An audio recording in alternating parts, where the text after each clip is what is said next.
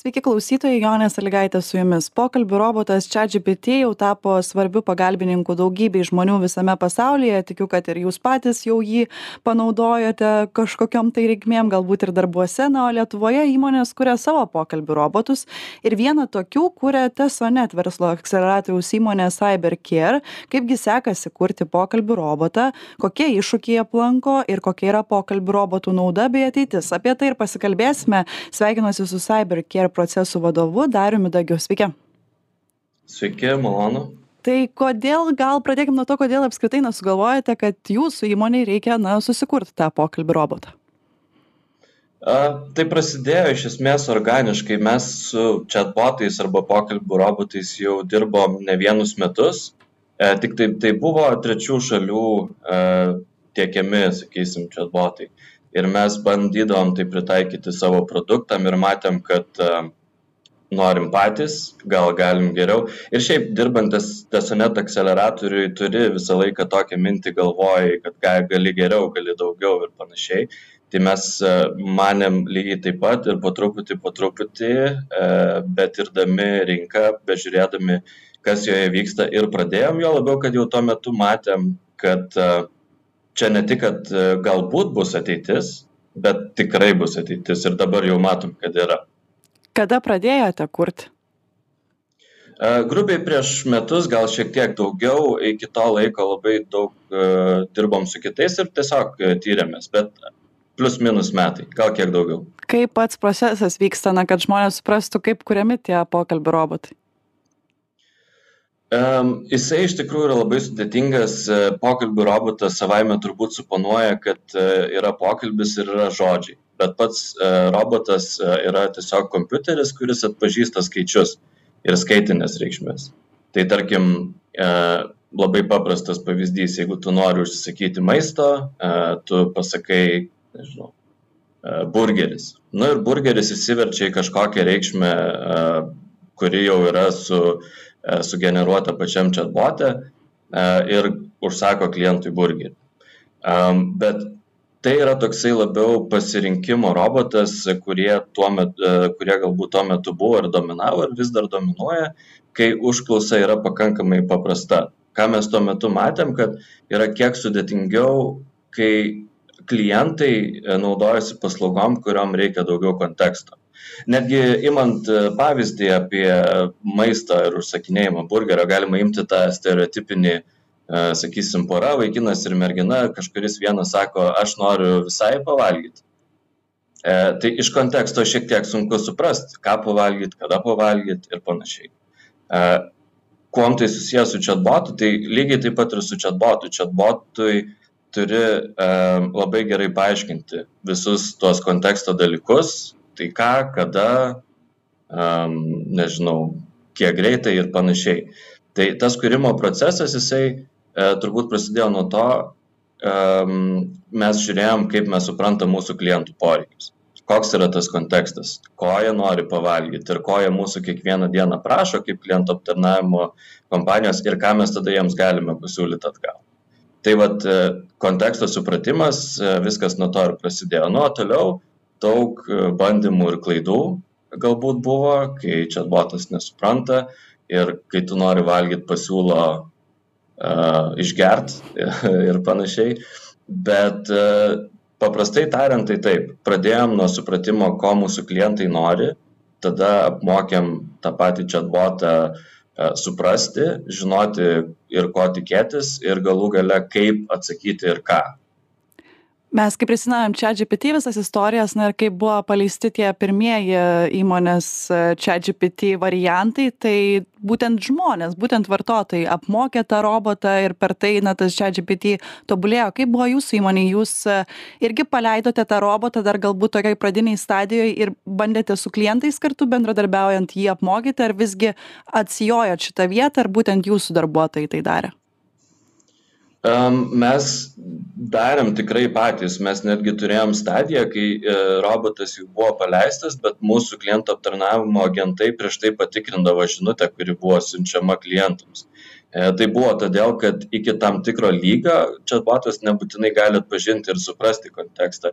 Ir panašiai yra su tuo pačiu chat GPT ir tie iššūkiai, kurie dabar kyla, kad jeigu klientas klausia kažko apie tavo paslaugą, kad chatbotas nepradėtų pasakot tų dalykų, kurie visiškai nesusiję, vadinamų halucinacijom, kai, tarkim, nežinau, apie kažkokios šalies istoriją arba koks aukščiausias kalnas e, kažkokioje šalyje ir panašiai.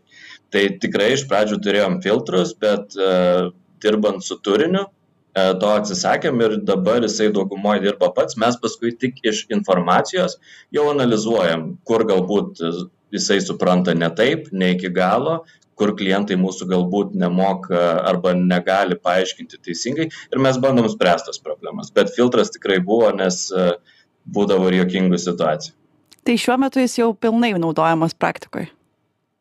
Taip, e, mes būtent Cybercare kūriamų chatbotų dengiam vieno iš mūsų produkto trečdalį e, įplaukiančios rautą iš visų visų gyvų pokalbių arba čatų. Ir ambicija, manau, yra tikrai dar didesnė didysis šuolis įvyko prieš kokį pusmetį, bet taip, jau praktiko, jau veikia ir padeda mums gyventi. Ką Jūs apskritai na, stebit e, su dirbtiniu intelektu, kas susiję būtent savo įmonės veikloje, gal arba apskritai galbūt įmonių darbe, e, na, ką Jūs matot iš tos patirties, kiek jau tas dirbtinis intelektas yra pradėtas naudoti? Aš manau, kad dirbtinis intelektas visų pirma kaip savoka turbūt naudojamas jau daug, daug metų, nes dirbtinis intelektas paprastai tariant, priklausomai nuo to, ką tu ten skaitai ir kuriuo teoretiku tiki, yra tiesiog bet kas, ką kompiuteris tau gali padaryti. Tas pat tie patys žaidimai, ar ne? Tetris galų gale yra dirbtinis intelektas kaip pavyzdys. Klausimas, aš spėčiau, yra ko gero labiau susijęs su GPT ir to proveržiu, kuris įvyko daugiau. Tai uh, Mano kuklė nuomonė, aš tai sakyčiau, kad įmonės mm, šiuo metu labiau stengiasi užsidėti tokią kaip varnelę, kad mes štai kažką padarėm, nors iš tikrųjų dar galbūt ne visi suvokia, kas tai yra ir kaip, e, kaip, kaip tą suvaldyti. Nes pats GPT yra didelis kalbos modelis su labai daug informacijos ir vien jį sujungus su kažkuo e, neįvyksta stebuklai, tas reikalauja tikrai daug darbo ir aš netgi drįšiau teikti, kad nebūtinai net yra daug e, vietos, kur kompanijos, nu, tikrai tą išnaudoja iki galo ir nelabai žino gal kaip išnaudos, bet e, labai noriu prie to prisiliest, nes akivaizdu, kad tas niekur nedings ir tai yra ateitis, bet dar nežinom kaip. Kalbant apie pačią darbo rinką, čia kaip tik apie tą robotą, kurį kalbėjome apie jūsų kūriamą robotą, daug yra tos, to akcentavimo, kad tai būtent padėtų klientų aptarnavimo srityje, ar ne? O kalbant apie kitas profesijas, yra jau kažkoks na, pamatymas, kur galėtų itin praversti, pavyzdžiui, pats pokalbių robotas, ar ne? O vienareikšmiškai. Ir tai aš net galėčiau turbūt pabandyt pavardinti kažką, bet tai net nebūtų baigtinis sąrašas, nes čia mes šnekam tik tai apie pokalbį ir jeigu šnekam apie pokalbį ir klientų aptarnavimą, tai natūralu, kad turbūt pokalbis yra ir kažkoks bet koks kitas turinys. Nu tai tarkim kokios nors tarp, reklaminės akcijos, dar kažkas. Tai tikrai jau dabar įmonės ir Lietuvoje, ir ne tik Lietuvoje bando ir galvoja, kaip tą išnaudoti. E, dabar neprisimenu, kuri tiksliai kompanija, bet didelė kompanija e, tech pasaulyje paskelbė, kad iki 25 e, metų atsisveikins galbūt su trečdaliu savo darbuotojų, kad turinys būtų kuriamas būtent didelės kalbos modelio pagalba arba čia GPT, nebūtinai jo, galbūt atsiras kiti, pavyzdžiui, Google Vardas, bet bet kokiu atveju. Ir tai aišku, tada natūraliai kelia klausimą patiems darbuotojams dėl jų saugumo, e, turiuomenį darbo ateities saugumo, dėl, dėl jų karjeros ateities ir panašiai. Tai tikrai ir ne tik tai žodinio turinio, bet taip pat ir vaizdinio turinio. Turbūt e, matėte tą video, kur neprisimenu kokios e, dizaino ar, ar mados firmos, bet mūsų politikai buvo įamžinti. Taip, Balenciaga. Tai aš manau, kad Balenciaga, teisingai. Tai aš manau, kad tikrai vėlgi čia yra ateitis, bet niekas nežino, daug dar yra klausimų teisinių, galbūt netgi ir etinių, nes uh, jeigu Balenciagos buvo sukurta video, tai kam tas video priklauso, tai yra apie tiek vartotojų, tiek apie turinio leidėjų teisės. E, tada darbuotojų, e, tų pačių žmonių atvaizdo ir taip toliau ir panašiai. Ir e, tiek ES, tiek Amerikoje labai daug kalbų apie tai ir įdomu, kaip reguliacijos toliau leisis. Paprastai šalis juda lėčiau negu technologijos, bet bus matyti europos parlamentas iš tiesų čia visai neseniai jau pritarė tam pirminiam tokiam pradiniam variantui taisyklių rinkinio ir kaip čia reikėtų reguliuoti tą dirbtinį intelektą bet na mes nuolat iš tiesų dabar diskutuojam tom temom ką daryti su darbuotojais kaip juos reikia nuraminti nes žmonės iš tiesų yra išsigandę ir yra kalbama kad na net ketvirtadalio profesijų gali apskritai nebelikti ir mes nekalbam apie dvidešimties metų laikotarpį mes kalbam apie kokius penkis dešimt metų. Tai čia pakankamai greitas virsmas gali įvykti kaip jūs pats stebit na pavyzdžiui ir iš savo darbuotojo perspektyvos ir ir galbūt turit kažkokių patarimų kitiems na įmonių atstovams kaip reikėtų galbūt darbuotojus kažkaip perkvalifikuoti arba mokyti labiau dirbti su tuo dirbtiniu intelektu? Na kokie būtų jūsų pavyzdžiui patarimai? Aš iš tikrųjų nežinau, galėčiau tik spėti, e, bet manyčiau, kad e, galvoti apie perkvalifikavimo būtina, jo labiau, kad tikrai matosi ženklai, kad darbuotojai patys net nelaukdami tą daro. Tai kaip pavyzdys, jeigu, uh, jeigu tu buvai turinio kuriejas, tai dabar tu ko gero tapsi uh, OpenAI arba kokio kito boto sukurto turinio redaktorių. Um, aš manau, kad uh, sunku pasakyti dabar, tikrai dideliai daliai uh, darbuotojų galbūt gali būti sunku. Aš manau, e, iš vienos pusės e, problematiškas klausimas, nes e, galbūt mm, ar vidutiniam darbuotojui arba vidutiniam darbuotojui tikrai gali tapti sunku, bet tiems, kurie yra ambicingi, priema pokyčius, iššūkius ir tikrai nori kažką, kažką sukurti, manau, kaip tik bus vėl aukso amžius. Bet čia kaip ir nežinau kaip ir internetas atsirado ar ne arba lietuvoj kuo toliau mažiau pramonės matosi toj pačioj ir žmonės tikrai persikvalifikuoja į kitas e, galbūt sferas. Tai aš manau, kad tai atsitiks natūraliai, labai bijoti nereikia, tik dabar labai sunku iš anksto pasakyti, kaip. Mano patarimas būtų e, jau dabar pradėti to domėtis, žiūrėti, kas įdomu, nes vienaip ar kitaip e, netgi pramoniai turbūt tas bus kažkiek ateitis ir jau dabar yra turbūt taip nelaukti ar ne įmonių vadovų kol įsakys mokytis su dirbtiniu intelektu bet jau pačiam kažkaip pradėt mokytis tuo su tuo dirbt.